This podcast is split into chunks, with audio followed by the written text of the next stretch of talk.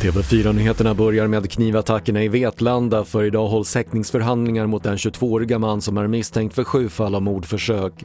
Enligt polisen tyder inget på att mannen hade någon medbrottsling och läget för de skadade uppges vara stabilt. Gravida ska få rätt till statlig ersättning om de inte kan vara på jobbet på grund av risk för att smittas av covid-19 rapporterar SVT.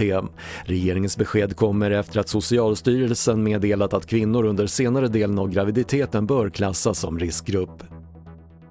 Forskare vid Uppsala universitet ska undersöka om hundar går att tränas att lukta sig till covid-19 skriver Enköpingsposten. Liknande studier pågår redan i flera länder och i Finland tar man hjälp av hundar för att spåra smittan bland människor som kommer in i landet via flyg.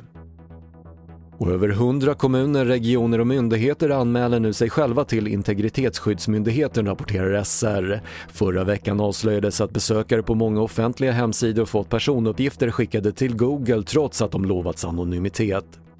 Det var det senaste från TV4 Nyheterna. Jag heter Patrik Lindström.